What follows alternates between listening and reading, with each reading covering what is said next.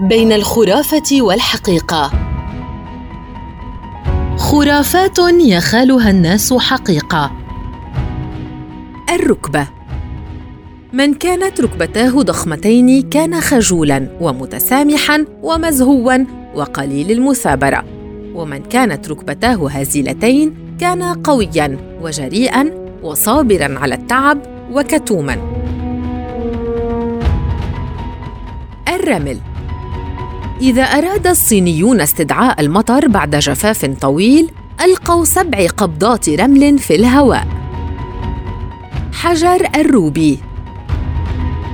كان حجر الروبي يعد قديما رمزا إلى السعادة فإذا تغير لونه أنذر بكارثة. لكنه ما يلبث أن يستعيد لونه الأرجواني حين يزول الشقاء فيبعد الحزن ويكبح الشبق وينتصر على السم ويقي من الطاعون ويصرف الأفكار الشريرة. الريح. إذا كانت المرأة والقمر والرياح كثيرة التغير فإن الريح لا نزوة لها ولا دورة إنها تتبع الشمس. فإذا لحقت الريح بالشمس تغير الجو. ولكن إذا بقيت لدى شروقها الجديد كان الطقس جميلا. ويقال أيضا إذا انقطعت الريح فلا خوف على الجو. وإذا كانت الريح تخصب الأشجار والأزهار فقد أكدت نساء كثيرات أنهن وجدن أنفسهن حاملات لأنهن تنزهن في الجبل في يوم اشتدت فيه الرياح. وإذا عقد منديل ثلاث مرات استقدم الريح للبحاره الذين يرغبون في استقدامها. زر الذهب.